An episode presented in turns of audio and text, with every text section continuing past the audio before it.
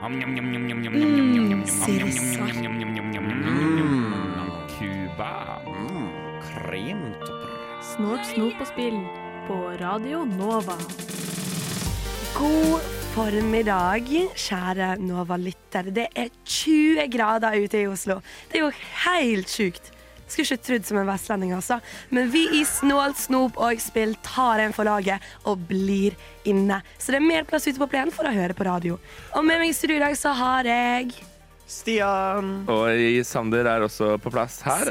Syns det er interessant at vår vestlending klarer å fokusere på været idet vi setter i gang med sendinga.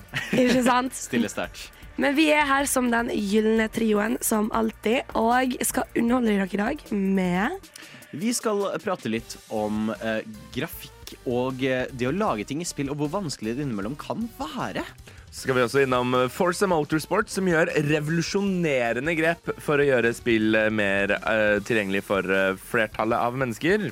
Og vi skal også ta eh, en liten eh, dykk innenfor skrekk-communityen og skrekkspill. Oi, hva godt, ass. Det er en smak som sitter litt. Jordbær smaker ikke godt. Jeg har vel smakt. Det blir fake. Det lukter litt baksverk. Det Det smaker jo kun det pulveret oppå toppen. Ok, Hvor krise lukter det? Dette ville jeg ikke engang servert til katta mi. Mye mildere enn jeg skulle trodd. Dritgodt. Bildekk med smak Ja. som ikke er asfalt. Gud, det var Jeg merker jeg ble mett. jeg. løyesnop. Jo, da nærmer det seg ukas løyesnop. Endelig kan jeg si hva det egentlig heter. Hæ? Det er gøy. Vi er i Jeg tror vi har gjort noe veldig Sander. dumt, Stian. Jeg tror vi har gjort noe veldig, veldig dumt. My turn. Men hva er det vi skal ete i dag her? Det er, jo en, det er jo en slags høytid som kommer i midten av neste uke. Nemlig dagen hvor man skal eh, spise så mye wienerpølser at man kaster opp, og spise så mye is at det renner ut av øra på deg. Absolutt. Nam. Norges 17. mai-dag. Eh, Norges 17. mai. Ja, for andre nei, land. nei, nei, nei ikke, ikke still spørsmål. Bare la det gå. bare la det gå, Vær så snill. Og i den anledning så har da altså eh, Diplomis lansert godteri med smak av lollipopis. Som en som er fra Diplomis-kommunen. Eh, jeg tar ikke ansvar for dette, men det første Er det godt? Ja, bare hyggelig. Det er to, to forskjellige varianter. Vi har da Lollipop Bites og Oi. eh, Lollipop Sour Bites. Det, det Ja, men nå er jeg jo virkelig spent. interessant. For har dere lagt merke til at Lollipop nå ikke er i isdisken lenger? Ja, Fordi what, Faktisk. what, what the Kanskje det er sånn at fuck? folk ikke skal smake altså dette på ingen måte smaker lollipop. Jeg bare tar med et par, jeg, så Ja. vi videre. Kanskje bare for å drive Yes. opp lysten på det her. Wow. Wow, rett i fleisen. OK, på Bites. Det jeg Rød pakning. Den andre er da den sure. Oi, det var altså sånn. personligheten min. Gummi. De er, de er veldig mye mer gummete enn man skulle tro. Og så er de formet som små is. da Det er jo bare søtt og hyggelig. Er Og det de, litt å, sånn det er faktisk litt cute. Hvis du er sjuk, så skal du ete dette istedenfor is, eller? Hva er jeg tror at eh, dette igjen er et forsøk på å lage noe som ligner på vitaminbjørner. Vita, Du vitaminbjørner. kan ikke bare si det om alt som er vingummi, Sander. Men hva er det du egentlig sto for? Det står et eller annet people. Ja, det er bare. Candy People, de som har Å, ja, produsert det. Å ja, Ja, ok. det er Oi. Eh, sånn candy et, ja. jeg lurer på om jeg går for en clean en, jeg. Jeg også går for en clean en først. Ja, de ser jo faktisk veldig fine ut. Det skal de ha. Det ser ut som Oi. lollipop, bare uten sjokoladen. Å, det var mykt. Oi. Det, det forventa jeg ikke. Det var sånn ikke noe tyggemotstand. Nei, det var null tyggemotstand, men jeg kan ikke si at jeg sitter her og tenker ah, det er den klassiske lollipop-smaken. Jeg Oi. ser hvor lollipop kommer fra, men det smaker veldig kunstig. Det smaker ekstremt kunstig i dargen. Den er litt gode, forfriskende lollipop-smaken. Ja. Nei. Det er nesten som om du skulle åpnet en is, spist litt, og så fryse den igjen, og så spise den igjen. Ja, Det føles ut som isen har gått ut på dato og Ja. slapp. Jeg er ikke så fan av den. Og så mangler du liksom det forfriskende med is som Altså selvfølgelig, dette er jo ikke en is, men, men Du stiller jo Ja. spørsmålet hva hvis vi hadde fryst det her ned? Og det hadde vært litt kaldt. Hadde det faktisk funka bedre? Jeg prøver en sur en. Ja, jeg har også prøvd en, eh, jeg prøvd en sur en, og- men jeg, jeg kjenner ikke at jeg er frelst. Det er liksom Det er vingummi, og det er helt OK vingummi, men jeg, jeg er ikke okay. Diplomis. OK. Oi. Dere kan ikke ta den vanlige, ta litt sukker og gjøre den litt stivere og kalle den sur. Dere må faktisk gjøre den sur. Det er sånn sursøtt sukker på toppen. Ja. Men det er jo ikke surt engang. Dette var skuff, ass. Det var skikkelig skuff. Oh, oh. Eh, sånn, sånn, dere der ute, ikke vær sånn redd for å spise det her om det skulle dukke opp et sted. Det er liksom ikke Å nei, det er helt grusomt, jeg dør. Men det er ikke akkurat Wow, det er det beste jeg har smakt. Du burde løpe ut og kjøpe det. Hvor mye kosta dette, forresten? Dette er Jeg kommer tilbake til det, men dette er godterienes meh. Dette er så Ja. ekstremt meh. Det Jeg er bare sånn føler bare sterk oi, skjønner dere? eh, De er jo også eh, jævlig små, disse posene. Ja. Eh, og inneholder ikke spesielt mye. Nå skal jeg gå inn her og sjekke. Um, 80 gram. 80 gram med lollipopis kommer til å koste deg den nette sum av 27 kroner og 90 øre. ja. Hæ? 28 kroner? Ja. Herregud. Det er liksom tre ganger mer enn hva lollipop kosta. Ja. Det er helt latterlig. På baksida står det 'Kjære lollipop, velkommen ut av isdisken'. Ja, putt den tilbake i isdisken! Og, og la det sure godteri i hvert fall Etter smake noe, Etter 50 år er Norges friskeste Nei, friske og fukt... Nei, fruktige. Herregud, jeg er trøtt. Fuktige. Fuktige saftis favoritt, også blitt godteri. Det var en tabbe. Unnskyld. Jeg bare sier det. Jeg går Eh, tilbake til akkurat det jeg sa i stad. Dette her er ekstremt meh. Troika. Snort, snop og spill. På Radio Nova. Det er en ny uke sammen med Snort, snop og spill. La oss eh, stille det viktige spørsmålet. Kan vi begynne med å stille det til deg i dag? Ja, Hva har veldig gjerne. du gjort siden sist? Hva har du gjort siden sist? Hva har du gjort? Hva har jeg gjort foregått? Hva har du Hva har foregått på ditt haberom i det siste? Hva har jeg gjort? Nei, eh, altså, for alle dere der ute som eh, har hørt eh, vår siste podkast, da. Eh, hvor fine nye anmeldelse. Så tenker jeg dere kan tenke dere litt hva jeg har sittet med hjemme. Mm, Minecraft Legends, eller? Mm, ja, kanskje det, kanskje det. Nå spørs det om det var jeg faktisk helt ut til den langhelgen med 17. mai. Eh, men jeg har spilt Legends. Jeg har fortsatt på mitt solo campaigner-spill. og um, om jeg har klart å fylle opp de 15 timene jeg sa, nei, jeg er ikke helt ferdig, men det kommer seg. Eh, jeg har nå begynt å dø litt. Så den er jeg litt flau over. Woohoo, Eh, eller? for jeg hadde, en, en, jeg hadde en god streak uten. Ja. Um, men nei, det, det, ja, spillet gror på meg, og det er egentlig veldig koselig. Men jeg merker at jeg blir kanskje litt lei snart uten å kunne spille med andre. Mm. Når det ikke er så mange som har spillet tilgjengelig, da. Eller har spillet. Um, så hallo, get on with it, folkens. Får dere Minecraft Legends? Legger meg flat. Delvis. Ikke helt. Men det er faktisk veldig gøy. Eh, og utenom Minecraft Legends så har jeg også hoppet til et annet spill jeg har snakket om her på radioen før. Yeah. Det er nemlig brettspillet Rummikub. Oh, Vet, vet du hva? vi havna i Eh, trøbbel for litt siden, Sander. Eh. Men eh, jeg og Stian tilbrakte jo eh, forrige helg på en båt eh, med kurs mot et land som ligger lenger sør enn Norge, men som ikke ligger i Tyskland. Eh, Cuba. ja, vi, vi var på danskebåten, og da på et tidspunkt så snur vi oss, og rett bak oss på et lite bord sitter det altså en familie og spiller Jeg, tror- jeg, tror, jeg, jeg tror vi må også ta med biten av historien hvor det var Lise, eh, som er redaksjonsleder for Opplysningen her på Nova, som satt og var sånn Lise. Stian, Sander, se bak dere nå. Se bak dere nå. Og der satt de med Rømmekub. Og Rømmekub er så fantastisk. Jeg venter fortsatt til den dag jeg kan få introdusert dere for Rømmekub. Dette får vi nesten planlegge etter sending. Men jeg har også spilt en favoritt som dere har spilt før, og det er Uno. Oi, å, jeg elsker Uno. Jeg har vært helt hekta på Uno. Og nå som det faktisk er varmt ute, det er mulig å sitte ute og chille med 20 folk og bare sitte og spille Uno som det flyr, så er det faktisk så gøy. Jeg føler jeg har ikke spilt det siden jeg var tolv, liksom. Uno er dritgøy. Har du, eller dere generelt, prøvd eh, Jeg vet dette høres veldig sånn usosialt ut, men det er veldig gøy. Eh, Ubisoft har lagd Jo. Uno Ja, ja, til PC. ja, ja. Ja, Med ja, alle ja. de derre spasa Har du prøvd de andre temaene?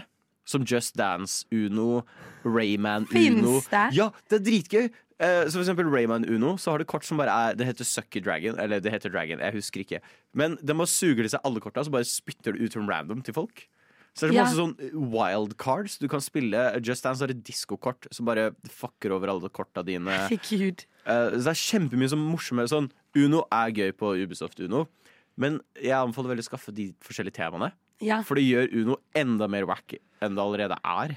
Men Ja. kan vi få stille deg et spørsmål, Sofie? Hvis vi kan spole litt tilbake til det første du nevnte. Ja.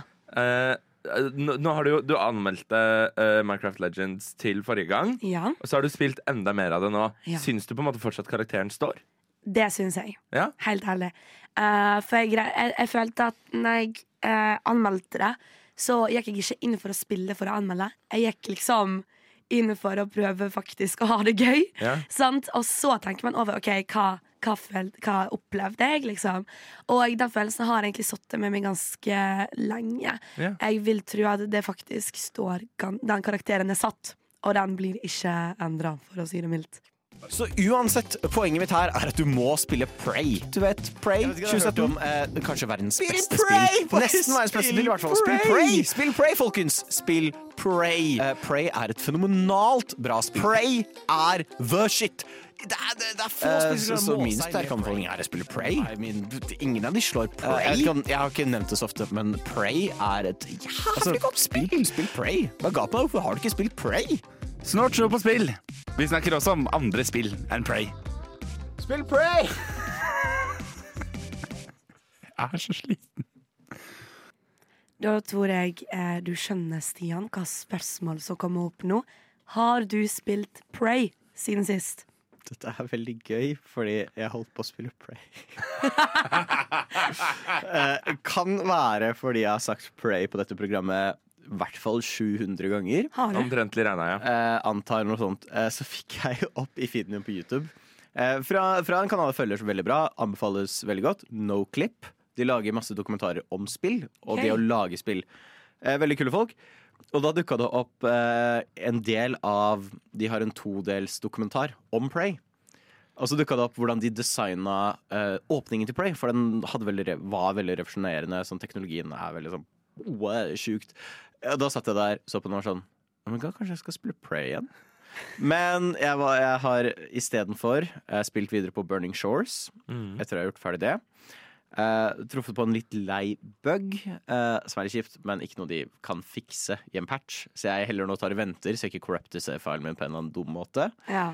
Uh, men eh, det går egentlig fint, fordi eh, jeg har kost meg med Jedi Survivor. Eh, mye. Jeg, jeg skal ikke si for mye, for jeg har hørt rykter om at det dukker opp en anmeldelse senere i dag fra en viss eh, eh, Sander. Jeg velger å ikke kommentere disse ryktene. Ja. Eh, men det er sånn min mening. Jeg syns det er veldig gøy. Eh, det er et par ting jeg ikke er så fan av, men jeg syns generelt spillet er veldig moro.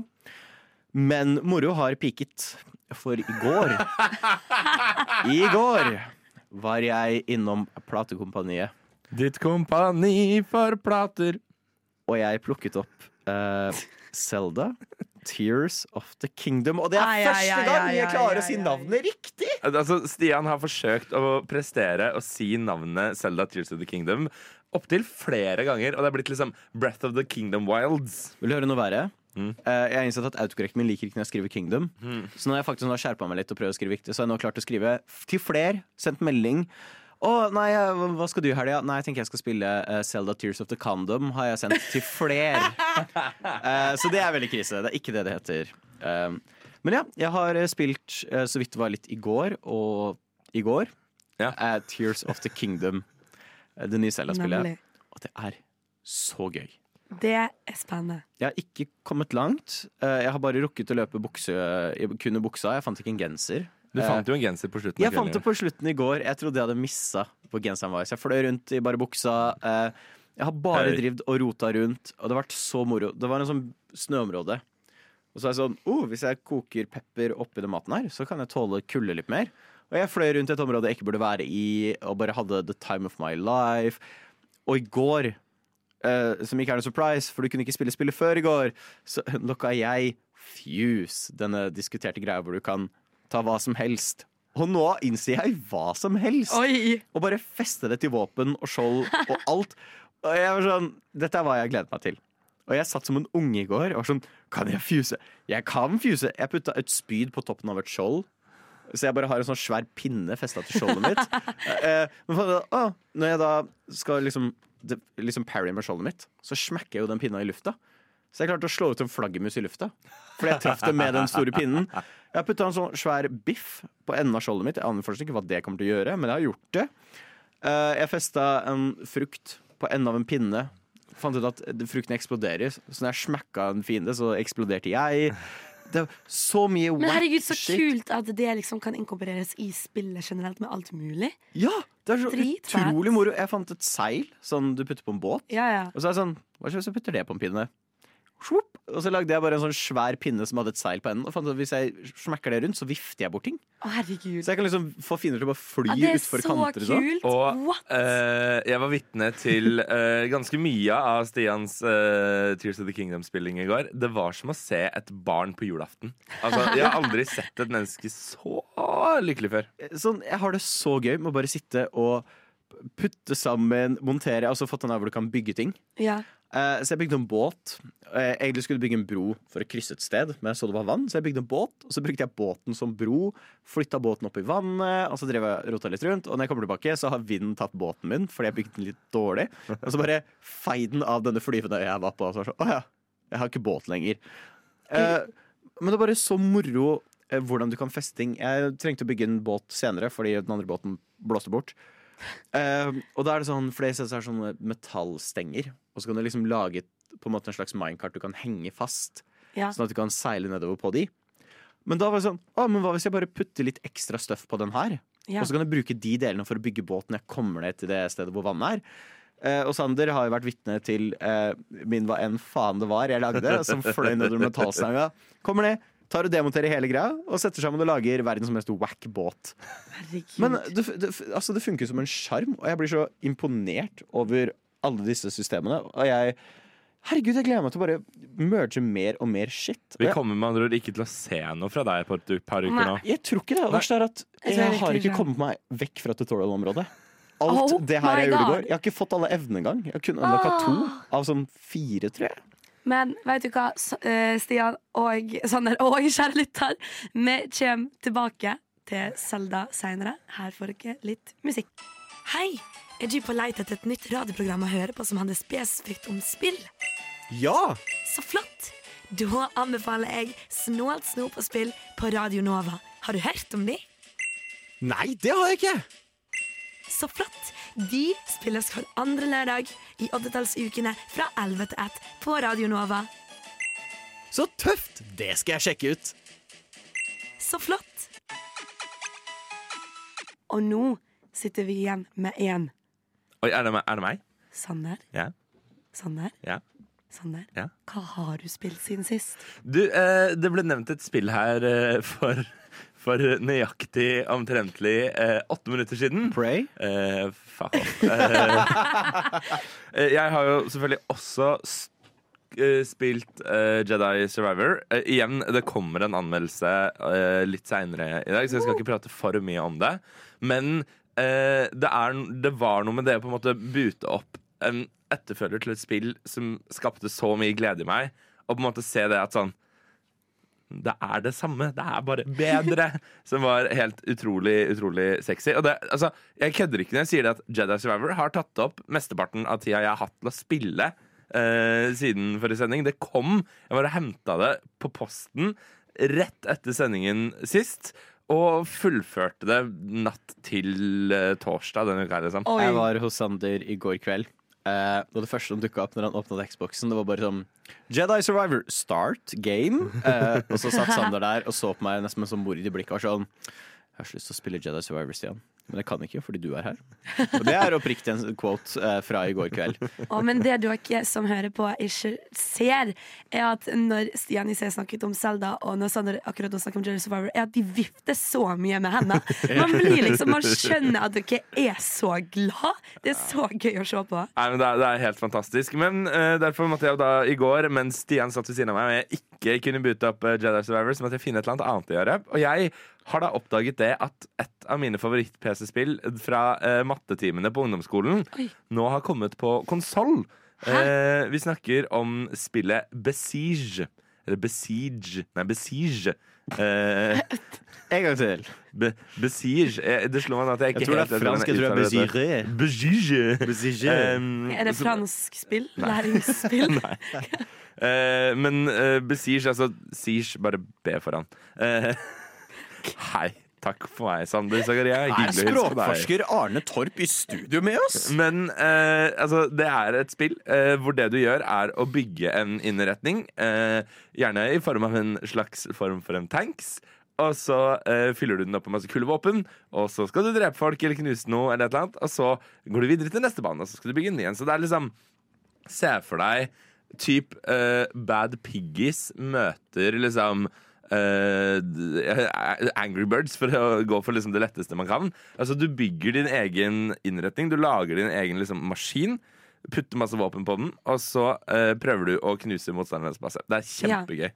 Og jeg vil bare si til det amerikanske forsvar hvis en viss eh, Sander Zakaria dukker opp her sånn Hei, Forsvaret! Jeg har designa en tanks for dere. Ikke Nei. Jeg er ikke god på å designe tanks, det har jeg aldri sagt. Det var ikke alltid jeg blikka bort til Sander fordi jeg var opptatt med å putte pinner på toppen av pinner for å få thick big stick, eh, som er navnet du får. Um, men sånn, det var ett punkt jeg blikka opp, og Sander hadde lagd sånn det mest kompliserte tanksene jeg har sett i mitt liv. Og så ser jeg sånn, bare trykk på én knapp på kontrollen, så bare bang, så, er det så sprengte hele driten i fillebiter. Og sånn, betryggende. Men det er jo det Så er, det, så det er bare bygge, bygge, bygge, baum. Ja, det er bygge, bygge, bygge, ødelegge. Eh, potensielt ødelegge dine egne greier. Eh, og så bygge, bygge, bygge mer. Eh, men det er, det er fantastisk gøy. Det ser eh, bra ut. Altså, det ser mye bedre ut enn det de gjorde på PC. Eh, men kontrollene er wack. Eh, OK. de er helt sinnssykt vanskelig å liksom get used to, Fordi de, de, de føles ikke ut som de, de føles feil. De føles konstant feil. Og det er jo bitte lite grann irriterende. Hvilket radioprogram er dette? Oi, oi. Jo, jo, ja. Det er Snå Snå på spill! Jeg vil ha Gro Harlem Brundtland i Mario Kart. Ikke det vært helt vilt fett? Det er Oddetallslørdag, og vi sitter her i studio eh, med Stålsol på spill. Altså, det er Sofia. Stian. Sander heter jeg. Oh yeah. Og vi har i dag tenkt å ta opp en liten, en liten sånn hjertesak. Jeg begynner å få på følelsen at vi begynner å bli litt bortskjemte. At vi liksom ikke helt klarer å se alt arbeidet som legges ned i de mikroskopiske tingene i spill, som bare er liksom quality of life. Ja. Jeg tror eh, Vi har pratet om dette en gang før, Sander. Eh, tilbake i en av våre piloter, om jeg husker riktig. Når eh, GTA 6 ble lika. Og Ja. folk var sånn Å, det her så kjempedårlig ut. I jeg know som a lot about game development, and Jeg like som en gamer kan- first thing in games. alt om videospill Uh, Nei, gamere kan som regel ingenting om videospill. En av grunnene til at jeg anbefaler Noclip. Uh, du lærer masse om hva som faktisk går inn i å designe videospill. Um, og de viser ofte gjerne prototyper. Hvor det er sånn Wow, dette ser dritt ut. Ser ut som om Minecraft kom ut i 1982. Um, og det har vært veldig i nyhetsbildet i det siste pga. Horizon Burning Shores. Ja. Um, men ikke av grunnen man skulle tro. Fordi ja, det har vært revolusjonerende ny teknologi som blender inn skyer. Veldig fett. Uh, Bossfighten på slutten er in fucking sane, gigantisk ting. Men det spillskapere har pekt ut, er eh, som kom i launch-traileren. Som jeg ikke fikk med meg der og da, men jeg har fått med meg at det har vært en svær prat i etterpåkant. eh, for jeg har jo muta alle ord rundt det fordi spoilers. Men det er en klem ja. som er med i traileren. Og det var en gameoper som da sa den klemmen på 041 er den største tekniske fleksen jeg har noensinne sett i mitt liv. Og dette fikk IGN eh, til å gjøre et intervju med eh, lead-animatøren på Guerrilla Games, Richard Ood. Um, Du tror ikke det er ud, sånn som de i Dr. Who? ja, det er det jeg er redd for, for det er det jeg har tenkt hele tida. Uh, OUD. Anyway. Uh, og de pratet da spesifikt om klemmer i spill. Uh, og at det er et faktisk mareritt å få til. De på en måte da har driti seg litt ut med at Aloy er en klemmer. Hun er en person som gir mye klemmer. ja. Og det, fordi nå er jo motion capture den store greia man bruker. Ja. Uh, det er kjempenice, og ikke egentlig så dyrt i forhold til å håndanimere svære spill. Ja. Uh, for de som ikke vet hva er motion capture eller mocap, du får på deg, skuespilleren har på seg en drakt eh, med masse, masse hvite prikker på, og så er det masse kameraer som da klarer å se hvor du går, hvordan du beveger Og Det er deg. ofte stemmeskuespillerne sant, som får på seg dette. Ja, til eh, performance actors, som Ja. de gjerne liker å bli kalt. Ja. Eh, og så har man også gjerne sånn svær sånn der, Se for deg sånn tegneserie fra 90-tallet hvor de Ja, måtte ha på seg eh, ikke gebiss, men regulering. Og de fikk Ja. det Frankenstein-greiene. Du har et sånt på deg og masse prikker i ansiktet. Som også da klarer å se hvordan du beveger hodet ditt. Dette er veldig dyrt, eh, men mange har begynt med dette nå. Mm.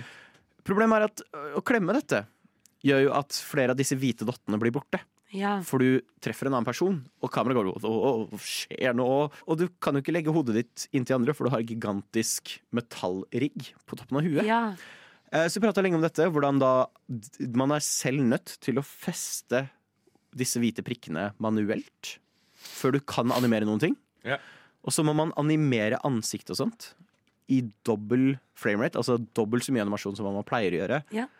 Det, det er ganske insane. Ja, for jeg tror kanskje eh, Altså, veldig mange ser jo på en måte på eh, det som lages av for f.eks.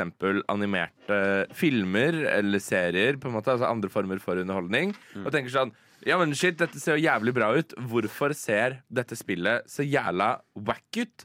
Sammenligna med dette dritfete denne dritfete serien.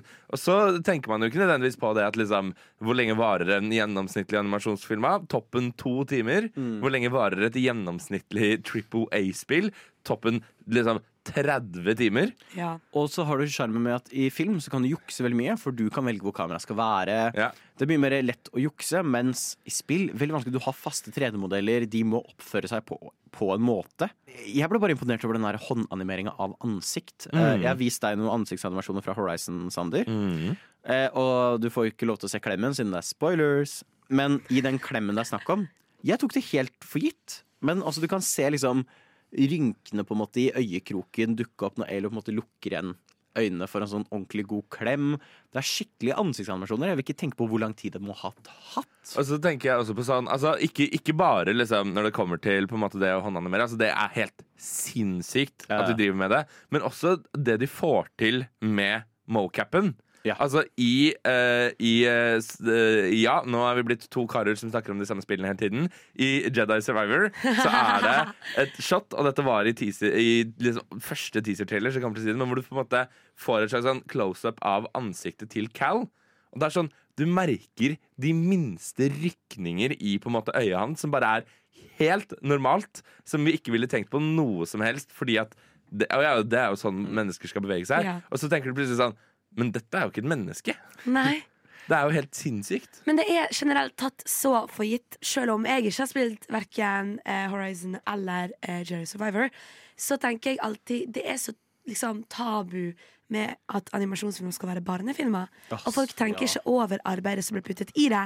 Og liksom bare det du, Sander, sier med at Men i et spill så kan du jo bevege kameraet akkurat som du vil. Du kan gå akkurat som hvor du vil. Og i hvert fall open world, eller i hvert fall Selda, som vi nettopp har tatt litt opp, at du kan bare bygge på dingser og bomser, og det kan fungere.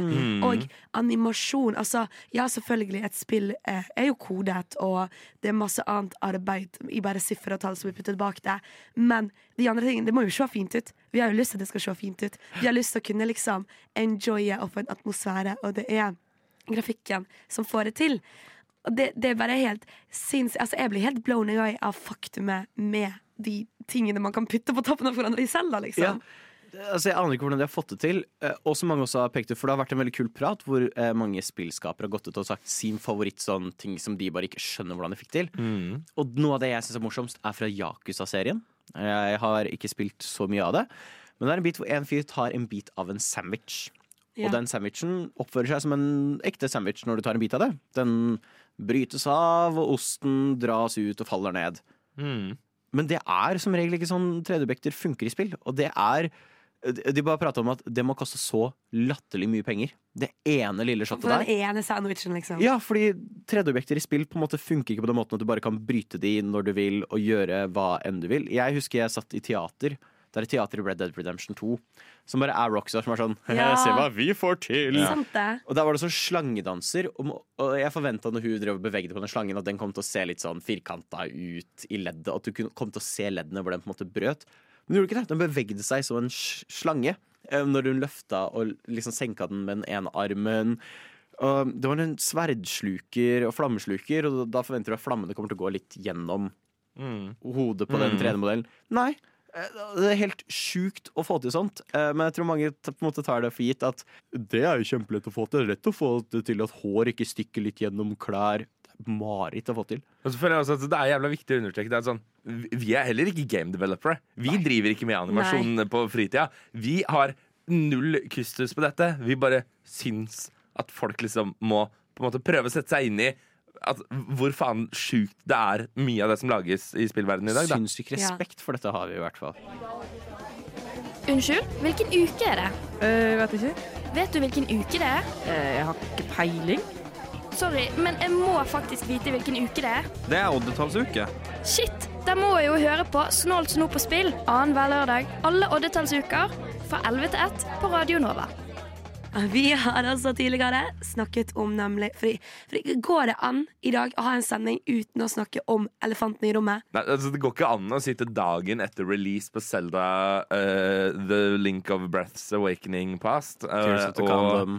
Ikke snakke om Link of the Awakening Past. Ikke sant? Ja.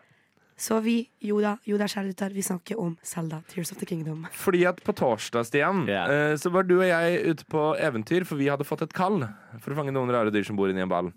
Det er feil spill. Å ja. Ja, sorry. Ops, jeg Ja. beklager. Det er pinlig. Du må nå gå. Du, Beklager. du må gå! Du må gå. Eh, Skjerpings, ja. Nei, Sander. jeg eh, var eh, på House of Nerds, heter det. Hvor de hadde releasefest med uh, Zelda. Tears of the Kingdom. Jeg sa det riktig for andre gang. Eh, jeg og teknosjef på huset Elisabeth, eh, som også har vært tidligere med i programmet, dro dit først. Det var altså så god stemning. Det var noen cosplayere der. Mm. Det sto nydelig Det sto to karer på scenen og spilte musikk fra Zelda på Nei. Ocarina og Nei. andre. Jo, jo, jo. Det var så Det utrolig moro. Alle rommene så spilte de noe Zelda-spill, og noen steder var det Mario Kart, men det var liksom Zelda i Mario Kart. Det var Zelda-banen, sånn. da. i Eller Link, Link i Mario Kart. Åh, nå mista jeg nesten alle credentialsene mine. Uh, Det var, det var bare så god eh, stemning. Eh, de hadde tematiserte drinker. Og det, var bare, ja, det, var, det var god S all around. Og så ble klokken tolv. Og hva skjedde klokka tolv? Da var det release. Da kom virkelig eh, Zelda uh, Tears of the Kingdom. Se, jeg klarer også å si det helt riktig. Og noe av det som var så sjukt å se i uh, dette rommet, hvor det var eh, anslagsvis eh, 50 pers Ja. hiver ut det som et tall, Litt var liksom den ekstreme gleden blant folk over at det er et nytt Zelda-spill ute i verden, da. Men for eh, da kanskje våre lyttere som har nå hørt oss bable om Zelda har lyst til å eh, liksom prøve seg eh, Når det er et release party på et spill, Mm. er det da sånn at etter klokken tolv så kan du kjøpe det? ja. I Eh, teorien. I teorien. eh, men det var genuint blitt utsolgt. Det var, Overalt. det var, de hadde 17 kopier tilgjengelig. Så det var, det var trekning. Oi. Eh, og jeg og Stian, uh, som uh, vi jo er, eh, heiv våre navn inn i denne bollen. eh, og kjente etter hvert som liksom, den ene Zelda-fanen etter den andre. En i cosplay, en med Breath of the Wild-tatovering. Breath den- of the Wild sleeve-tatovering. Altså, yeah. eh, skjønte det at vi kan ikke Vi, vi kan ikke stikke av med det spillet her nå, vi. Jeg satt der og var klar for å rope Han har dratt hjem hvis navnet mitt ble lest. Jeg sånn, Nei, nei, det her Jeg fortjener ikke dette. Men Nintendo har jo generelt gjort en del eh, for, eh, for denne lanseringen. da Fordi det er jo veldig gøy at du, Stian, har liksom en themed Switch. Ja. Med Zelda på, liksom. Det er jo evig fett at man blir liksom De prioriterer denne verden og, De jo- på en måte. Det er jo seks år in the making, eh, så de har jo virkelig gønna på. Og det har vært eh, Herregud, folk har venta dritlenge. Absolutt. Dette var jo også i samarbeid med Nintendo. Ja. Det er Ja. på House of Nerds. Det var det liksom det offisielle releaset. Man fikk Oi, til og med shit. tote bags med masse free swag oppi, som var veldig dere en fun. tote bag med masse free swag? Ja, Stian fikk en en totebag med ganske mye fett swag. Jeg kom seint. Ja.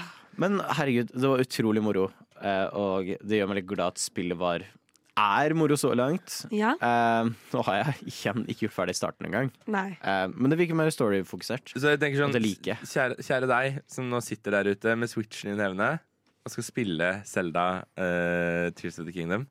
Kos deg, ja. Gled deg. Kos deg. Nå har det faktisk gått allerede én time. Åh, what har vi bare én time igjen? Tida går fort i godt selskap. Eh, du, hører kanskje at du mangler en eh, stemme i ditt eh, øre. Kjære Stian Henriksen har forlatt oss. Hele navnet, som alltid. Vi savner deg, Stian Henriksen. Vi savner deg. Vi savner deg, Stian Henriksen. Åh. Men vi skal, jeg, og Sander skal henge en time til sammen med dere. Det blir kjekt. Det blir Vi skal moro. kose oss, vi. Oh yeah. Og da skal vi nemlig snakke om summer uh, Summer Gamefest. Gamefest. Ikke Summer Games, ikke olympiske leker. Men det er det vi skal snakke om, i tillegg til skrekkspillcommunityet, som vi har nevnt tidligere. Hva, wow, hvordan fungerer det? Hvordan pusher de opp alle spillene de gjør? Vi skal også snakke om uh, Forza. Som gjør helt enormt kule steg for å sikre tilgjengelighet til spill. Og på vei mot deg så er det ikke bare én anmeldelse. Det er to. Meow, meow, meow. Ne, ne, ne, neo. To hele anmeldelser. Meow, meow, meow, meow. Ja! Hva heter den rosa spillfiguren som kan suge til seg ulike objekter, og som befinner seg i Nintendo-universet? Hva faen kan det være? Nei, å, jeg har det på tungen. Jeg har det på tungen. Jeg lover. Nintendo. Eh, Suge? Er det lov i Nintendo? Ja, jeg vet ikke. Faen? Åh, helvete? ingen idé. Vi kommer til å tape. har ikke du sånn Switch? Sånn, sånn, sånn. Nintendo Wii U? Jo, Hva? men det er sånn sport, sånn De, bowling. dere, dere jeg, jeg lurer på om det kan være Kirby? Kirby? Hvordan vet du det? Jo, fordi at jeg hører på Snort, snop og spill alle oddetallslørdager fra 11 til 1 på Radio Nova. På Radio Nova? På Radio Nova! Å ja. Ah!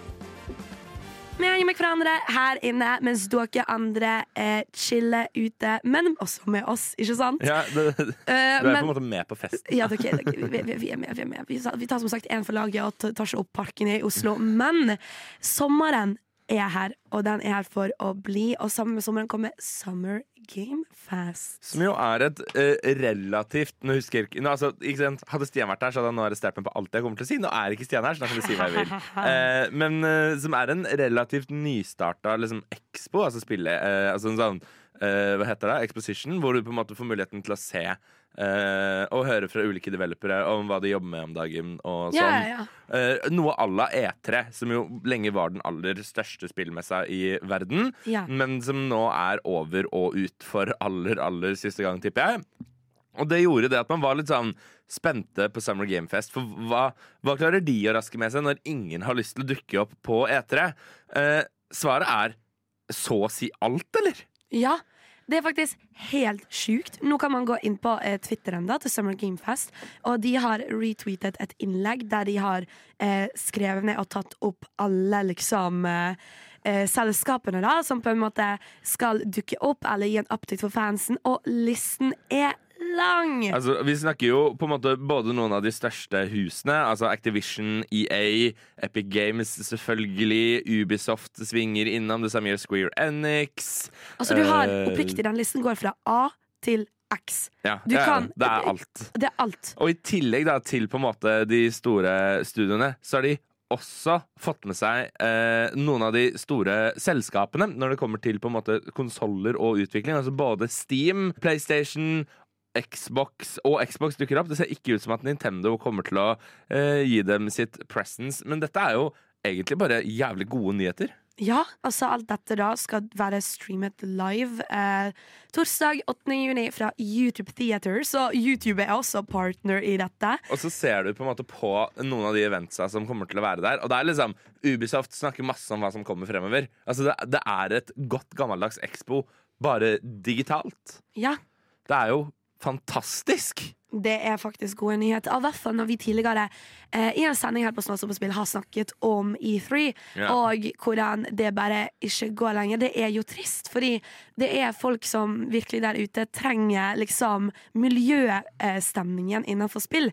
Ja, spill handler kanskje veldig mye om å sitte hos seg sjøl, eller liksom eh, kanskje spille med andre på tvers av land og sånn, men uten miljøatmosfæren så er jo ikke noe som helst gøy lenger. Selv om uh, dette jo ikke er en fysisk konferanse, som jo gjør det at du på en måte mister mye av muligheten til å henge med community, så syns jeg fortsatt at det er imponerende at de klarer å huke med seg så mange av de aller, aller største navnene i spillbransjen. Jeg bare syns det er helt sjukt å kunne se også at Netflix er med. Netflix Games er Vet du hva, Eh, vi kan ikke snakke mer om det Vi kan ikke snakke om Netflix Games nå, men vi, vi må snakke om Netflix Games neste gang. For det er fuckings amazing. Det er okay. dritgøy.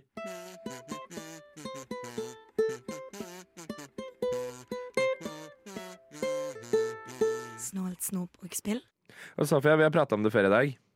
Eh, Jeg har spilt Jedi Survivor. Har du? Ja, kødder du, eller? Eh, Og jeg har også anmeldt det. Men før vi går i gang, jeg må, jeg må bare si dette, fordi okay. jeg føler jeg nå må forsvare min egen ære.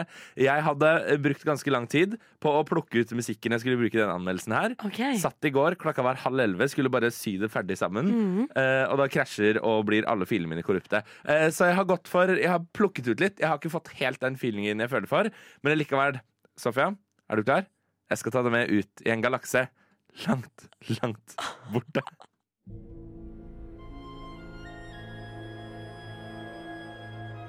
Star Wars-universet er enormt og strekker seg over utallige filmer, serier, bøker og tegneserier.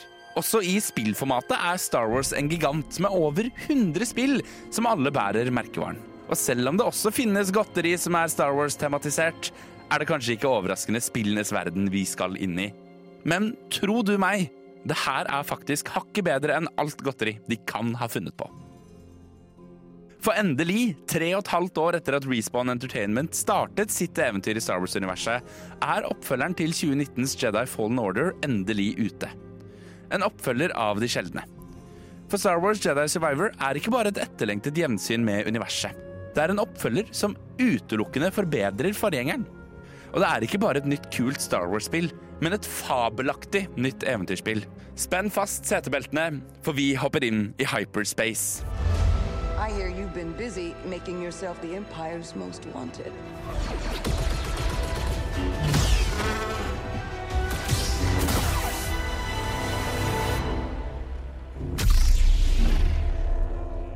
Jedi.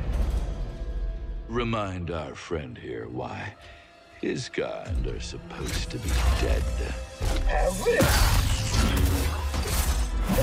Jedi Survivor plukker opp historien fem år etter forgjengeren. Og vi møter atter en gang Cal Kestis, en mann jeg ærlig skal innrømme at jeg har savna dypt.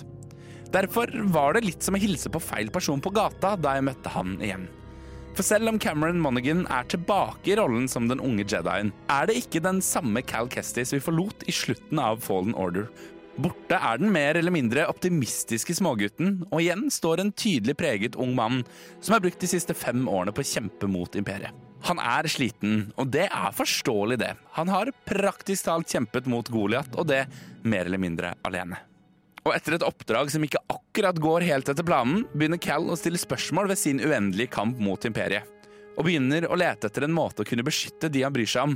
Noe som fører ham tilbake til gamle kjente. Fortellingen i Jedi Survivor kommer ikke akkurat til å raske med seg priser for å være spesielt nytenkende. Men allikevel, som et force pull, suges jeg inn.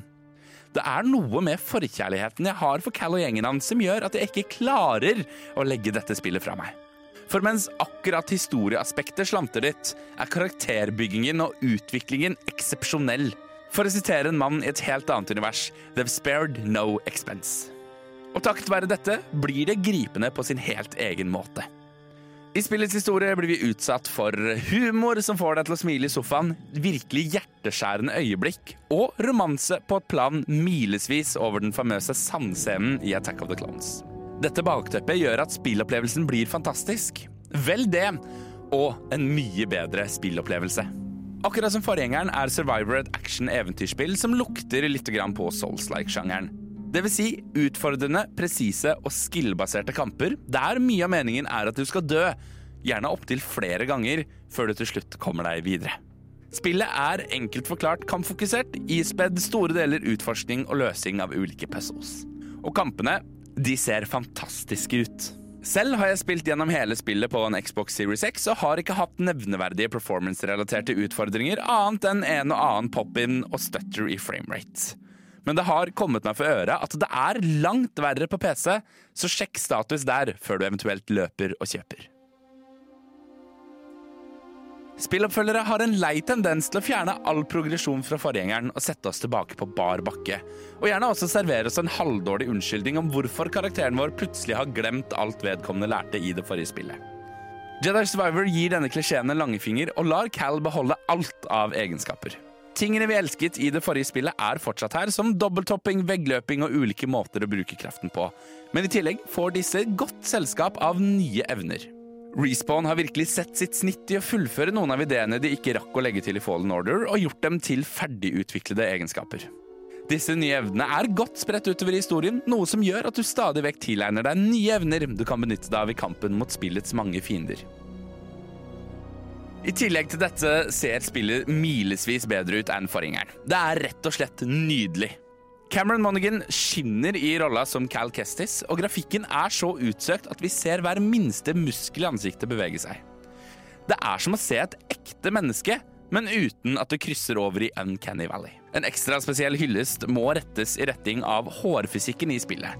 Cals hår blafrer i vinden, og jeg blir aldri lei av å se alt håret på hodet hans reise seg oppover, for så å lande igjen idet du hopper ned fra en klippe. Men i min mening er det nok omgivelsene som har fått den største grafiske oppgraderingen. Der forgjengeren serverte oss nydelig, dog noe repetativ natur, disker Jedi Survivor opp med omgivelser som virkelig drar deg inn i spillet, og som bare må nytes. Og det er god variasjon i omgivelsene på de ulike planetene også. Alt fra massive ørkener til tette jungler og det som måtte befinne seg imellom. Og denne gangen føles planetene ut som faktiske planeter med masser av ting å utforske, fremfor de åpne, men mer lineære planetene vi møtte i forgjengeren. Nytt er også introduksjonen av en slags hub eller base, som stadig vekk utvides ved at nye karakterer flytter inn.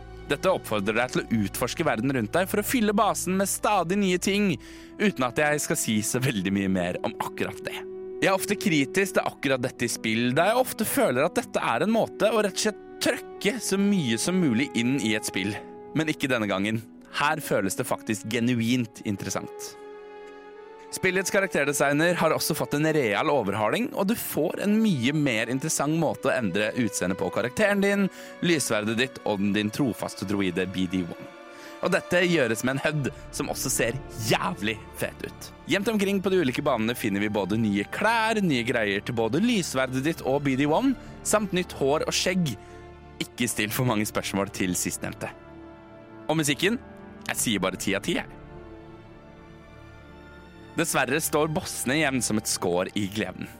Mens de andre fiendene blir progressivt lettere etter hvert som du tilegner deg nye ferdigheter, virker bossfightene nesten som spillbare cutscenes, der fiendene har muligheten til å gjennomføre en lang rekke med angrep du må blokkere, før du får muligheten til å gi dem en liten skramme med lysverdet ditt. Og så er det akkurat det samme en gang til. Det er spor av en liten forbedring fra forgjengeren, men dessverre er ikke dette godt nok. Dette blir allikevel lite i det store bildet, for Jedi Survivor er uten tvil en helt utrolig opplevelse som bare suger deg inn, og er så altoppslukende at du ligger våken til langt på natt og tenker på hvordan du skal klare den blemma du sleit med før du måtte legge deg for kvelden. Jeg virkelig elsket Jedi Fallen Order da det kom i 2019, og var ekstremt engstelig for hvordan Respawn ville løse en oppfølger. Men jeg trenger vel kanskje nesten ikke å si at jeg er positivt overraska. Jedi Survivor setter skyhøye ambisjoner for seg selv, og det er en ren glede å se at de klarer å levere på de aller fleste områdene. Spillet lykkes i å skape nye og store verdener fylt med masse sideoppdrag du kan kose deg med, men uten å gå i Ubisoft-fella og gape over mer enn de kan svelge. Det tør så mye mer enn forgjengeren, og føles ikke bare som en oppgradering, men som en helt ny opplevelse. Jedi Survivor ender opp med en solid score på 97 av 100 troikabarer. Og dersom de klarer å kvitte seg med bossproblematikken, er det ikke mange stegene opp til toppen. Jeg kan virkelig ikke få anbefalt nok å gripe tak i kontrolleren og kaste seg ut i eventyret. Og på vei dit, may the force be with you.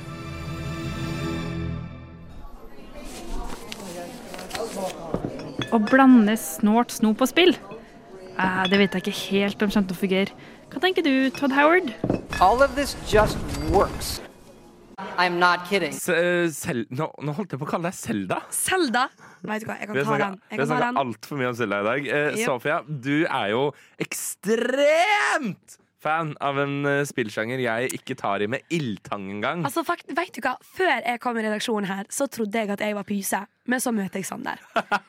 Sånn var det. Eh, det viser seg at jeg har blitt redaksjonens eh, skrekkspillrepresentant. Eh, og eh, jo, kanskje jeg har ikke spilt alt, men jeg er faktisk ganske glad i det. Jeg må nesten innrømme det. Jeg Mm. må ta den, kanskje være i denial lenger. Og det som er veldig spennende, er at hvis du søker opp Top Horror Games på Google Du får selvfølgelig opp eh, både Outlast, Resident Evil, Amnesia Som jo alle er spill som på en måte kommer fra store developere. Store developer, uh, developer Mhm. beatboxing. uh, The Last of Us, alt mulig. Men spør du en helt vanlig uh, person ut på gaten har du hørt om noe skrekkspill, mest sannsynlig så svarer de kanskje Five Nights at Freddy's. Ja. Som er jækla kjent. Selv om det ikke står her. Det er veldig kjent. Altså det, altså, det gikk jo som en fuckings farsott på internett eh, da det kom ut i eh, faen, 14 eller noe, Ja, sånt, 2014. 2014. Og eh, det som er så sinnssykt med Five Nights at Freddy, for det første, hvis du ser det altså, Det er som du hører Alle er sånn Å, Five Nights at Freddy's, og så ser du liksom bitte litt gameplay, så er det Ja. sånn Fy faen, dette ser jævlig wack ut. Ja, det ser bare Og så gjør du enda litt mer research på det, og så finner du ut at det faen er en jævel som har lagd hele driten. Altså Det første spillet er liksom Det er self-published. Det er basically han som har laget Ja. det. Det er bare Det er så langt nede, og likevel så ble det den kommersielle suksessen, da. Nettopp. Og det er det som nettopp med skrekkspillcommunityet som er så spennende, at nesten halvparten av skrekkspill som kanskje ikke kommer opp som topp på Google, men som er topp hos gamere, det er det de snakker om, er indiespill Mm. som er skrekkspill. Og det er de som ser helt wack ut. Altså Nå har vi tidligere snakket om grafikken. Grafikken skal selvfølgelig få sin praise. Ja, ja, ja. Eh, UFN masse, hvordan det ser ut fordi de setter masse tid i det. Men så ofte er dette er så wack. Jeg tror også det er en faktor som er i atmosfæren. da Det, liksom, det ser helt forferdelig ut. Mm. Men eh, recently oppe i lufta så har det vært snakk om et spill både på, Hvis man går inn på YouTube Gaming, det er overalt. Alle snakker om alle tapesa og eh, hidden files og alt mulig. Og det er Amanda the Adventurer. Som er dønn et helt nytt spill. Kom ut 25. april i år. Ja. Det er litt siden, eh, men ikke så lenge siden.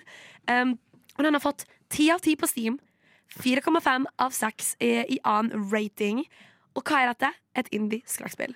Og eh, jeg, jeg, jeg, jeg har søkt opp her bare for å se litt hvordan det ser ut. Og Ja. det ser altså så jævlig wack ut. Dette ser ut som om det er for dårlig til å være på barne-TV.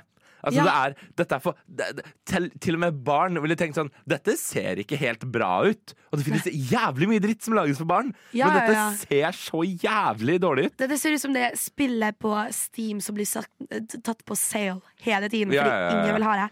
Men alle vil ha det, og det er gratis akkurat nå. Det er en demo som er ute. Jeg tror det er Altså, derfor altså, det er liksom Fullversjonen koster typ 100 spenn. Altså. Ja, ja, ja, ja, der står det faktisk. Eh, 99 kroner. Men, eh, men det er bare helt sjukt, fordi altså, i skrekkspill så så er det jo det manuset som spiller veldig mye her. Selvfølgelig jump scares, alt mulig, Ja, ja. eh, effects. Men det er så ofte både Amanda, Amanda Adventure er et veldig fint eksempel eh, som er aktuelt. Men også tidligere, i 2021, så var det også et annet spill som også på det tidspunktet var litt indie. Eh, Poppy Playtime. Mm. Som bare skøyt opp. Eh, og vi har sett at det skjer før med Finance of Freddy's. Altså, gud meg, nå skal Finance of Freddy's en film komme ut. Og det, ikke bare det, men det har jo blitt en fuckings franchise. Ja, ja, ja. Ja, ja, ja. Både franchise og en film, og den skal visst komme ut. Eh, de prøver å få den ut på halloween i år, mens filmingen også startet i år. Men, men det er jævla godt sånn eh, filmlag da bak denne filmen, som har også skapt Megan og andre skrekkfilmer. Ja. Så det er virkelig lovende, men det er helt sjukt at et indiespill av, som du sier, en jævel kan bare skyte så høyt opp, fordi skrekkspillcommunityet er så inni dette. De, har, de pusher det så sykt opp. Og eh, folk som streamer og underholdere innenfor gaming eter det Mm. opp. De er sånn OK, dette vil folk se på. Dette må jeg pushe, dette må jeg spille. Folk blir redd, folk som ikke spiller skrekkspill eh, fordi de liker det bare fordi liksom for underholdningens del. De liksom skyter disse spillene opp, og så får de god rating, og så er de på topp. Men på en måte, altså, sånn, som, sånn som jeg og Stian da, nå- Sorry, Stian, nå kommer jeg til å si noe om deg. Og som Stian alltid sier, hver gang du forteller fun facts om meg, så sier du feil ting. Men vi har jo en tendens til å Ja, vi spiller masse små indiespill, men vi har en tendens til å, i hvert fall jeg, til å tiltrekkes de virkelig store Triple A-spillene. Ja. De klarer du ikke å unngå. Du klarer ikke å unngå å høre om uh, ref uh, for to minutter siden, altså Jedi Survivor, liksom. Sant. Du, det er over fuckings alt på alle sosiale medier. Hvordan får man med seg det nye skrekkspillet som kommer? liksom? Hvordan får du med deg hva som er den store hypen? Altså, For meg personlig, som eh, følger med på både ser på streamere på eh, fritida mi og er interessert i eh, Mm. YouTube gaming og sånn, så er det bare det at min for eksempel eh, favorittkanal har bare tweetet eh, hva er dette skrekkspillet med den sauen? Hva, hva er det folk snakker om, liksom? Og da ble jeg sånn Hæ, hva er det folk snakker om? Og så ble jeg sånn Å ja, lol, er det et skrekkspill? Og da får jeg lyst til å se denne personen spille det, for jeg får lyst til å se de bli skremt. Eh, samme med liksom eh, Back in the day med PewDiePie, Mm. som begynte med Amnesia og bare startet hele Let's Play-opplegget. Mm. Det, er- det pusher jo disse spillene så mye frem. Det er liksom influensere at its best, bare for spill. Mm. Så jeg tror det er- kommer helt an på influensen din. Og, og så har man sånne sånn som meg, som deler det med dere, og dere får det med dere via meg. Mm. Sant? Eh, men jeg tror det virkelig er en sånn hidden gem innenfor gaming-communityet, altså skrekkspill-communityet. da eh, Fordi, som du sier, du og Stian får med dere de store games. Altså, jeg får ikke med meg Horizon. Selv om det er kjempestort. Jeg får ikke med meg det. Fordi jeg er i det miljøet som er eh, kommuniserer mest online. Mm. Og eh, liksom Og også spille Steam, da. Og på Steam så kan det komme veldig masse wack dritt ut tid som helst. ja. Ja, gratis og demoer og alt mulig. Men det er liksom en helt egen bølge av greier. Og hvor fort de blir pushet opp, er bare så latterlig. Jeg forstår det ikke. Eh, men det er også noe gøy med det, fordi det er så mange av disse, sånn som Poppy Playtime, det er free to play. Mm. Eh, også en annen greie som Jeg vet ikke om du vet om det er sånn der, men Roblox skrekkspill er kjempekjent. Det er også en ting som alle er sånn Oh my god, jeg gleder meg til min YouTuber skal spille Roblox-skrekkspill. Fordi Roblox er en plattform Ja, Du tenkte kanskje ikke at på på spill skal vi snakke om Roblox, eh, men i dag var dagen. Eh, Dette har du sittet igjen med lenge med. Du har hatt lyst til å prate om Roblox i alle sendinger. Altså, ok, Personlig, jeg har spilt det kun én gang. Og det var, to, det da, var, det var det to spill. Fordi det som er med Roblox eh, Folk hører om Roblox når de hører kids snakke om spill. veldig ofte Men det Roblox er, for dere som ikke, som dere, for dere som ikke vet, eh, er eh, en eh, Du kan logge deg inn, og så kan du liksom spille masse forskjellige minispill. Det er nesten som en egen konsoll online. Altså, hvordan skal man forklare det, liksom? Eh, og Derfor er det veldig ofte kids som spiller det med sine venner. og sånn Men det er folk som sitter bak og faktisk eh, lager skrekkspill og golf og sånne ting. Og tro det eller ei, men skrekkspillkommunityen klar- klarer også å pushe opp Roblox-skrekkspill. Eh, eh, Skrekkspill-community, dere er sjuke i huet. Nå blir jeg drept. Spillindustrien. Spillindustrien. Spillindustrien. Spillindustrien. Spillindustrien. Spillindustrien! Sjukt nice. Og dette her er virkelig sjukt nice, for hva er det Forza 8 har gjort, Sander? Altså, uh, Forza Motorsports 8, et av de fuckings mest hypa spillene. Jeg, jeg pratet, I første sending av Snart på spill så snakket vi om spillene vi gledet oss til i 2023. Uh, Forza Motorsports 8 er virkelig et av spillene jeg ikke klarer å vente på. Det er uh, liksom det neste store på en måte racingspillet eh, fra Xbox Games Studios. Og for et par uker siden så slapp de altså en video sammen med en pressemelding som virkelig fikk meg på en måte til å sperre opp øynene.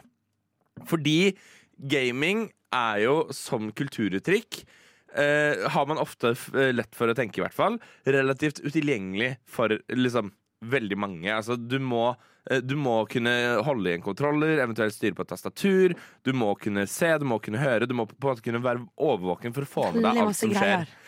Uh, Forza Motorsports uh, 8 sier fuck det, og har altså gjort spillet tilgjengelig for blinde. Ja. Svaksynte og blinde kan spille Forza Motorsports 8. Og nå for deg der ute som ikke vet hva Forza Motorsports 8 er Det er et bilspill. Ja. Det er racingspill. Du kjører en bil. Ja, og da tenker man kanskje sånn ah, ja, Men de har gjort det mulig å spille. Var det, så var det sånn at blinde ikke kunne spille det før. Jo da, blinde har kunnet spille det før, men nå kan blinde faktisk spille det. Altså Det de har gjort, er at de har benyttet seg av muligheten til å kunne bruke headset med surround-lyd. Og da rett og slett gi deg ulike cues i lydformat som forteller deg hvordan du skal styre. Så du hører en lyd på øret, skjønner OK, der er det en vegg omtrentlig nå, da må jeg svinge sånn. Eller sånn. Eller sånn eller sånn. Bla, bla. bla. Og han som er, um, han som er accessibilitets... Eller accessibility eh, consultant i, eh, for dette spillet, har de da, altså, han er blind.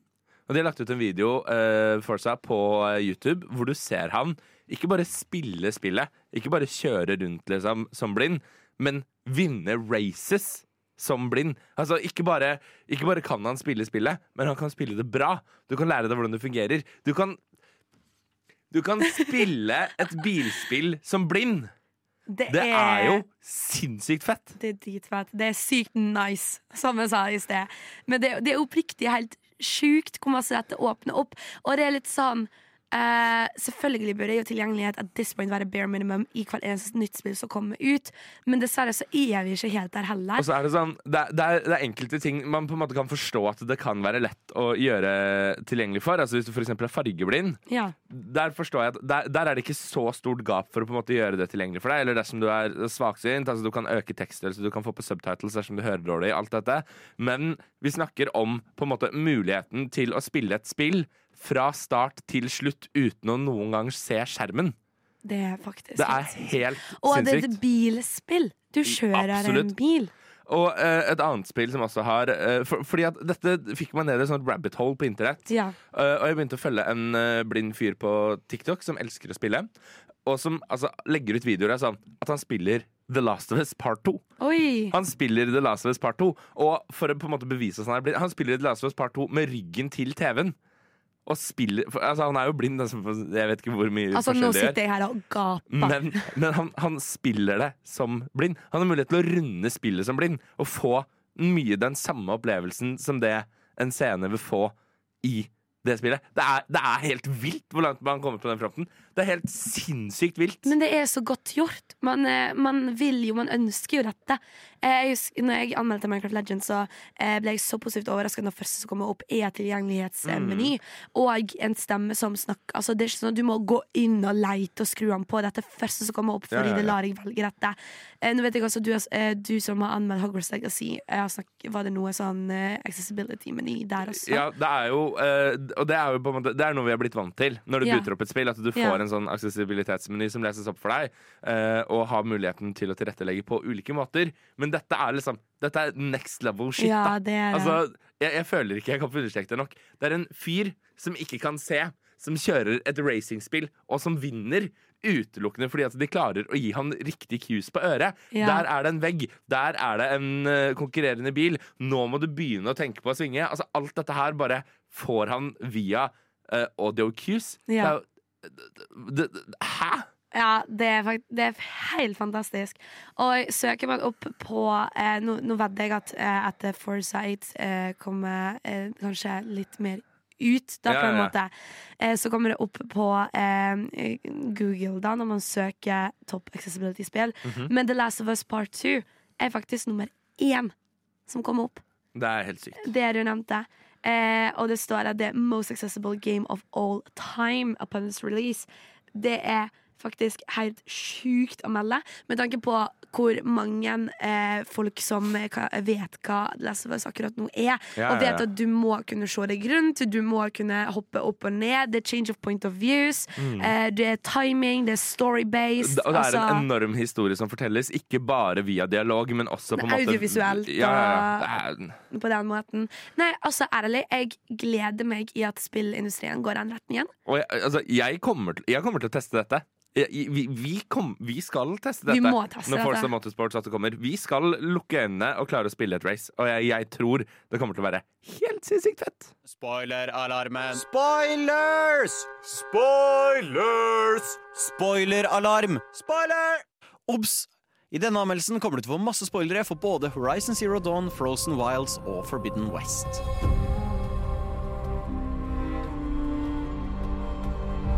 I november 2017 kom The Frozen Wilds ut. Det var en DLC til Horizon Zero Dawn, og det ble fort en av mine favoritt-DLC-er til et spill noensinne. Ikke bare ekspanderte den på alt Zero Dawn introduserte, men det var også en smakebit på hva vi hadde i vente. En banebrytende oppfølger, Horizon Forbidden West. Horizon Forbidden West kom ut i februar 2022 og var i min mening et briljant mesterverk. Det leverte på alle fronter og klarte å havne sammen med Bioshock Infinite som mitt favorittspill noensinne. Forventningene mine var skyhøye, og etter fem år med tanker og ønsker om hva jeg ville se i Forbidden West, var det mektig imponerende at jeg fikk så å si alt oppfylt. Det eneste ønsket mitt som ikke gikk i oppfyllelse, var å dra til Los Angeles. Når Burning Shores ble annonsert, var jeg ekstremt spent. En DLC til mitt favorittspill, og etter The Frozen Wilds i 2017 var forventningene mine skyhøye. Hvordan kunne The Burning Shores leve opp til det? Sekundet jeg innså at hele DLC-en var satt i Los Angeles, skjønte jeg at jeg var inn for en wild ride. Og for en wild ride det skulle bli! My people are lost and scattered. What could he possibly want with them? We have to find out no matter what it takes.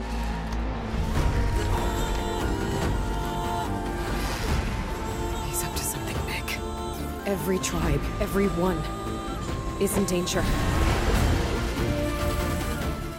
Horizon Forbidden West slutter rett etter at Aloy har beseiret de mystiske og skumle medlemmene av oldtidsorganisasjonen Far Zenith. The Burning Shores tar opp igjen historien rett etterpå.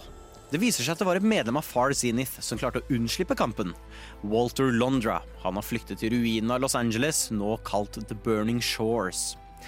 Aloy setter umiddelbart kursen dit og begir seg ut på hennes mest følelsesmessige reise hittil.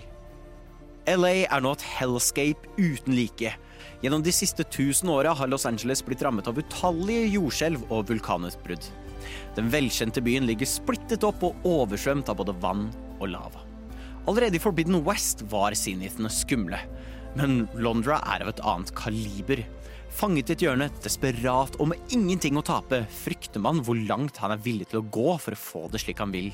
Det er ikke noe tvil at Londra er inspirert av, og en sterk kritikk mot en velkjent riking som har vært en god del i media de siste årene. Sam Whitwer, kjent som bl.a. stemme til Darth Maul, gjør en fremragende jobb med å få fram denne skurken. Når det først er eh, snakk om skuespillere, så må det nevnes noen flere. Ashley Birch fortsetter å levere hele det emosjonelle spektrumet i rollen som Aloy. Gjennom historien har Aloy en fast følgesvenn i Seika, en marine fra Quen-stammen. For første gang i serien må Aloy dele rampelyset. Og ikke bare funker det, men det gir meg lyst på mer. Seika skaper en så unik kontrast til hva vi er vant til. Aloy har noen å prate med, og forholdet mellom de to står sentralt gjennom DLC-en. Mange skuespillere kunne fort blitt nervøs av å skulle dele scenen med Ashley Birch, men her klarer Kylie Leah Page å levere en flott skuespillerprestasjon. De to jobber så godt sammen at jeg hele tiden så fram til videre quester med Seika. Yeah, to be honest, I'm uh, pretty terrible at celebrating. I don't even know where to begin. Well, I'm a sailor, so it usually starts with alcohol. I think we have some bilge blaze. Dette er også kanskje siste gang vi får høre Lance Reddick i rollen som Silence. Etter hans tragiske bortgang i år. Det var unikt og følelsesladd å høre han, og jeg er glad for at han fikk være med på ett siste eventyr. So where do you think Londra went? The coast far to the south. An area wrecked by tectonic shifts and volcanic activity. The few Tanakh who have ventured there refer to it as the Burning Shores. But a thousand years ago it was called Los Angeles. Som nevnt tidligere foregår spillet i LA slash The Burning Shores. Dette nye området som blir lagt til i spillet er stort, men heldigvis ikke altfor stort. Mappet er stappfullt av detaljer, steder og maskiner. Og snakker om maskiner, så dukker det opp tre nye. Bilegut, Stingspawn og Waterwing. De tre nye maskinene er flott designet og spennende å slåss mot, men allikevel var jeg litt skuffa først over at de kun kom med tre, teknisk sett to, nye maskiner for DLC-en. Men etter å ha spilt en stund forsvant denne klagen. Så vidt jeg har sett, har Gorilla klart å lage et habitat til alle de 45 forskjellige maskinene som er i spillet. Uansett hvor du befinner deg, er LA fullt av liv. Mellom de gjengrodde skyskraperne vandrer en flokk med grazers og rollerbacks. På bunnen av klippen finner du snapmå som flyter i havet, og høyt i skyene kan du se Sunwingene fly rundt. Dette toppes også av den rikeste både floraen og faunaen jeg har sett i et spill. Tusenvis av forskjellige blomster, planter og trær vokser blant ruinene, og sammen med korallene under havet lyser de opp The Burning Shores i en million farger. Overalt ser man fisk hoppe opp av vannet, sommerfugler i enger og masse fugler som nyter livet. Når du da også slenger med tonnevis av ruiner, hemmelige rom og spennende collectibles å samle på, så får du et map man ikke går lei av. Noe som skuffet meg også først, var at det kun er to sidequester. De er kjempebra begge to, men syntes fortsatt det kunne vært to til. Heldigvis har jeg innsett at DLC-en eksperimenterer litt med å lage mer organiske sidequester. Så det er på en måte mer enn bare to. Et eksempel på dette er en stormsky som befinner seg over det som en gang var Santa Monica Pier. Etter noen dager innså jeg at stormen ikke flytta på seg, og når jeg gikk for å undersøke dette, fant jeg mer enn bare noen stormskyer. Disse organiske questene gjør mer enn opp for mangel på tradisjonelle sidequester. Men hva er en oversvømt by uten et framkomstmiddel? I Burning Shores får Aloy en liten motorbåt som hun kan seile rundt i. Sammen med den sceniske utsikten har jeg storkost meg på båttur rundt i LA. Kontrolleren din lager til og med følelsen av bølger som skvulper under båten. Men ikke bare det. Etter hvert får du muligheten til å fly på maskin kalt Waterwing. Disse lar deg fly høyt opp i skyene, og i tillegg kan du dykke dypt under vann. Det er en så sensasjonell følelse og teknisk imponerende syn, hvor sømløst man kan stupe ned i vannet for så å fly opp fra det som en ekte sjøfugl. Men det mest teknisk imponerende kommer på slutten av DLC-en. Jeg skal ikke spoile noen ting, men den siste bossen i The Burning Shores er ikke bare kanskje noe av min favoritt-bossfight noensinne, men det er også det mest teknisk imponerende jeg har sett i et spill noensinne. Det var en boss som hadde meg målløs, skrekkslagen og også ekstremt hype. Selv nå, flere uker senere, tenker jeg fortsatt på den. Men hvordan skal du slåss mot nye maskiner og bosser? Jo, med nye skills, selvfølgelig. DLC-en legger til flere nye våpen og rustninger, til og med en helt ny våpentype. Skill 3 til Aloy utvider seg med hele 18 nye skills du kan låse opp. Flere av disse er blitt noen av mine favorittskills i spillet. Horizon fokuserer nå enda mer på vertikal combat. Både grappling-hooken og shieldwingen blir nå en mye større del av combaten om du selv ønsker det.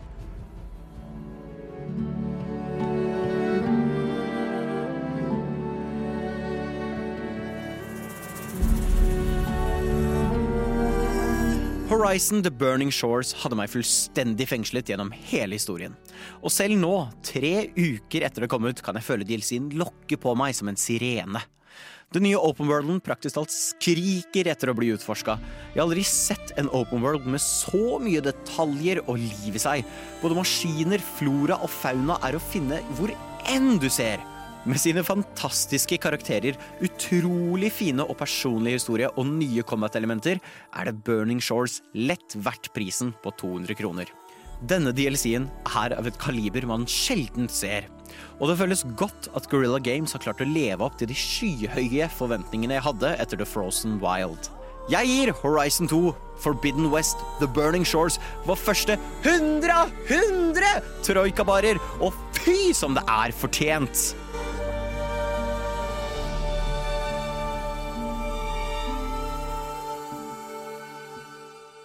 Det er en høytid eh, på vei, eh, Det er andre gang jeg sier det. Det er utrolig rart. Oh my god, Er det en høytid på vei? Er det fest? Skal vi bli med på festen? Uh, Hive på deg dressen Nei! Det er 17. mai rett rundt hjørnet. Og det er jo en dag vi bruker på å hylle alt som er norsk. Alt som er norskt, og det som også er norsk, og vi burde hylle her i studio i dag, det er norske spill. Og um, mens uh, du har hørt Tiger State, uh, kjære deg, så har jeg funnet ut noe om Sofia. For Sofia visste ikke hva. Mujaffas BMW var for noe. Nei, nei, nei, nei, nei, nei, nei. Jeg refererte til Mujaffas BMW, og Sofias første svar er Er det den drikkeleken? Hva til meg sånn på radio. Oh my god. Jeg bare, vil at, jeg bare vil at lytterne skal ha et forhold til deg som person. Ja, ikke sant. Du er en person som ikke har spilt med Jaffas BMW. Men det finnes eh, spill som er betydelig mye bedre enn med Jaffas BMW også. Eh, Vi har plukket ut to hver, har vi ikke det? Uh, ja. Eller jeg har én banger jeg skal komme med. Men jeg har også tatt med meg Stian sine. Uh, Ja. Som han vil eh, peke fram, så vi kan bare begynne med de. Eh, Stian vil anbefale dere, kjære lyttere, Owlboy. Som jo gikk en kjempeforsatt og ble dritsvært på eh, sosiale medier. Eh, Var det i fjor, da? Eller noe sånt nå? Eh, ja, det vil jeg tro. Altså, Releasedaten var i 2016, så det å komme opp, opp i fjor det- gjort. Da er, det godt, det er også godt mulig at det kom før. Eh, Det at det hadde en kjempehype før. Eh, men uansett, den har fått eh, fem av fem, ni av ti, 90 av 100, 9,3 av 10 ING, altså alt mulig. Topp 15 Games 2016. All time, liksom. Mm. Eh, det er helt crazy at det, det er eh, kjære, gode nordmenn bak dette fantastiske spillet. Så må vi Eh, også hive på et spill som fikk en oppfølger nå nylig. Tesla Grad og Tesla Grad 2, som er Ja. utviklet av uh, våre venner i Bergen. Oh. Uh, og det er, det, det er to spill jeg på det varmeste kan anbefale. Shit. Du, du, du fremhever Jeg fremhever den siden av landet. ja. Ja, jeg prøver noe Wow. nytt. Wow, wow, wow. Prøver noe A changed man. I fjor, altså 18. august eh, 2022, kom det ut Nå vet jeg ikke. I Iconi Island. Iconi Island. And Earthlog Adventure, står det her. Eh, og den vil jeg også Stian fremheve. Eh, jeg jeg, gjør noe så vilt som å slå et slag for gode gamle Flåklypa Grand Prix, eller? Rand Ja. Studios, eller? Ja, Verdens ja, feteste spill, eller?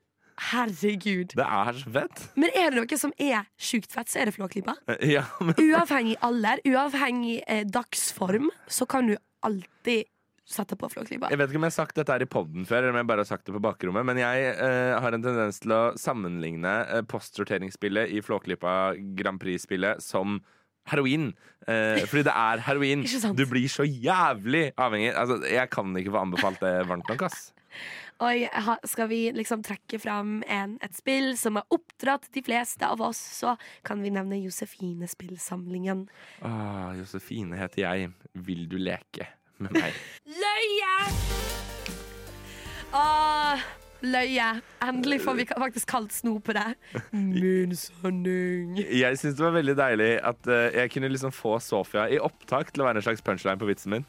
Ja, ikke sant? Punchline, punchline. Så nå følte jeg at du ropte at det jeg gjorde, var løye, og det var litt gøy. Ja, det er Eh, gøy. Det er gøy. Men eh, dessverre, som alle gode ting som tar sendinga vår nå slutt.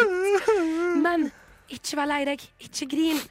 Vi er tilgjengelig på sosiale medier. What? Oi, hva heter vi på sosiale medier, Sofia? Snart snob og spill. Så er vi også tilbake igjen om eh, ja, to uker som eh, vanlig. Vil du høre dette, så kan du gjøre det akkurat når du vil. I podkastformat.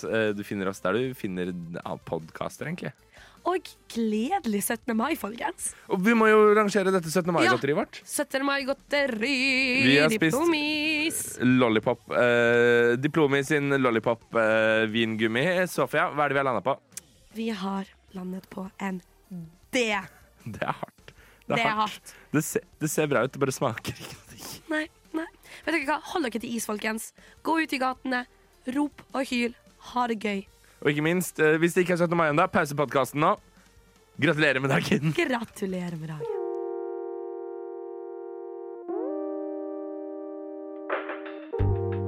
Du har hørt på en Radio Nova-podkast.